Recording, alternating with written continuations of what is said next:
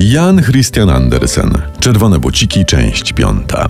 W poprzednich odcinkach zły dziad zaczarował Karusi czerwone buciki tak, że dziewczynka nie mogła przestać tańczyć i nie mogła ich zdjąć i poprosiła kata, by jej te nóżki urąbał.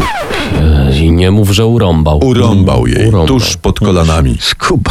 Buciki porwały te odcięte stópki i odcięte łydki, a kat wystrugał Karusi nowe nóżki z drewna. Mm. No ale kurde, chociaż mam nadzieję, że wygładził.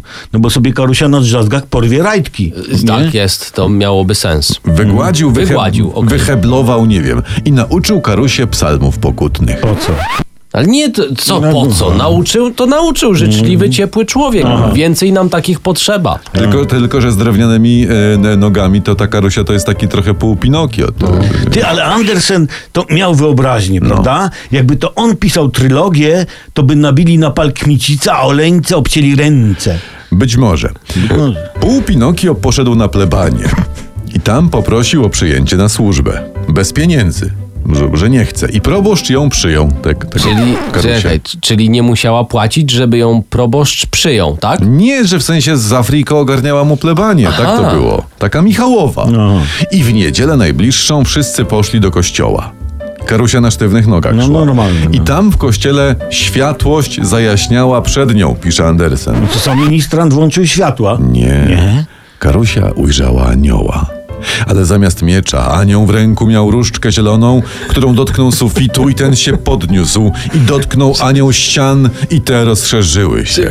Ty, Ja już nie wiem, czy Andersen przesadził z pigułami, czy Karusia z kadzidłem podczas litanii. Co, Mm. co jest? Nie wiem, skracając, chóry śpiewały. Złoty blask kłuł w oczy, radość przepełniła serce dziewczynki i to serce Karusi od nadmiaru szczęścia pękło. Jak, jak kuźwa pękł? No pękło się pękło. Całą bajkę się karusia męczy i na koniec Andersen ją zabija? Tak, Nie wiem, mści się? A, albo zakład przegrał, czy coś? nie wiem, ale Pogrzebowy. Słuchaj dalej. Karusia umiera. Hmm? Ale jej duszyczka szczęśliwa idzie do Boga. Radosna zasiada przed jego tronem. Mogę o coś zapytać? No, no, no, no, no. no.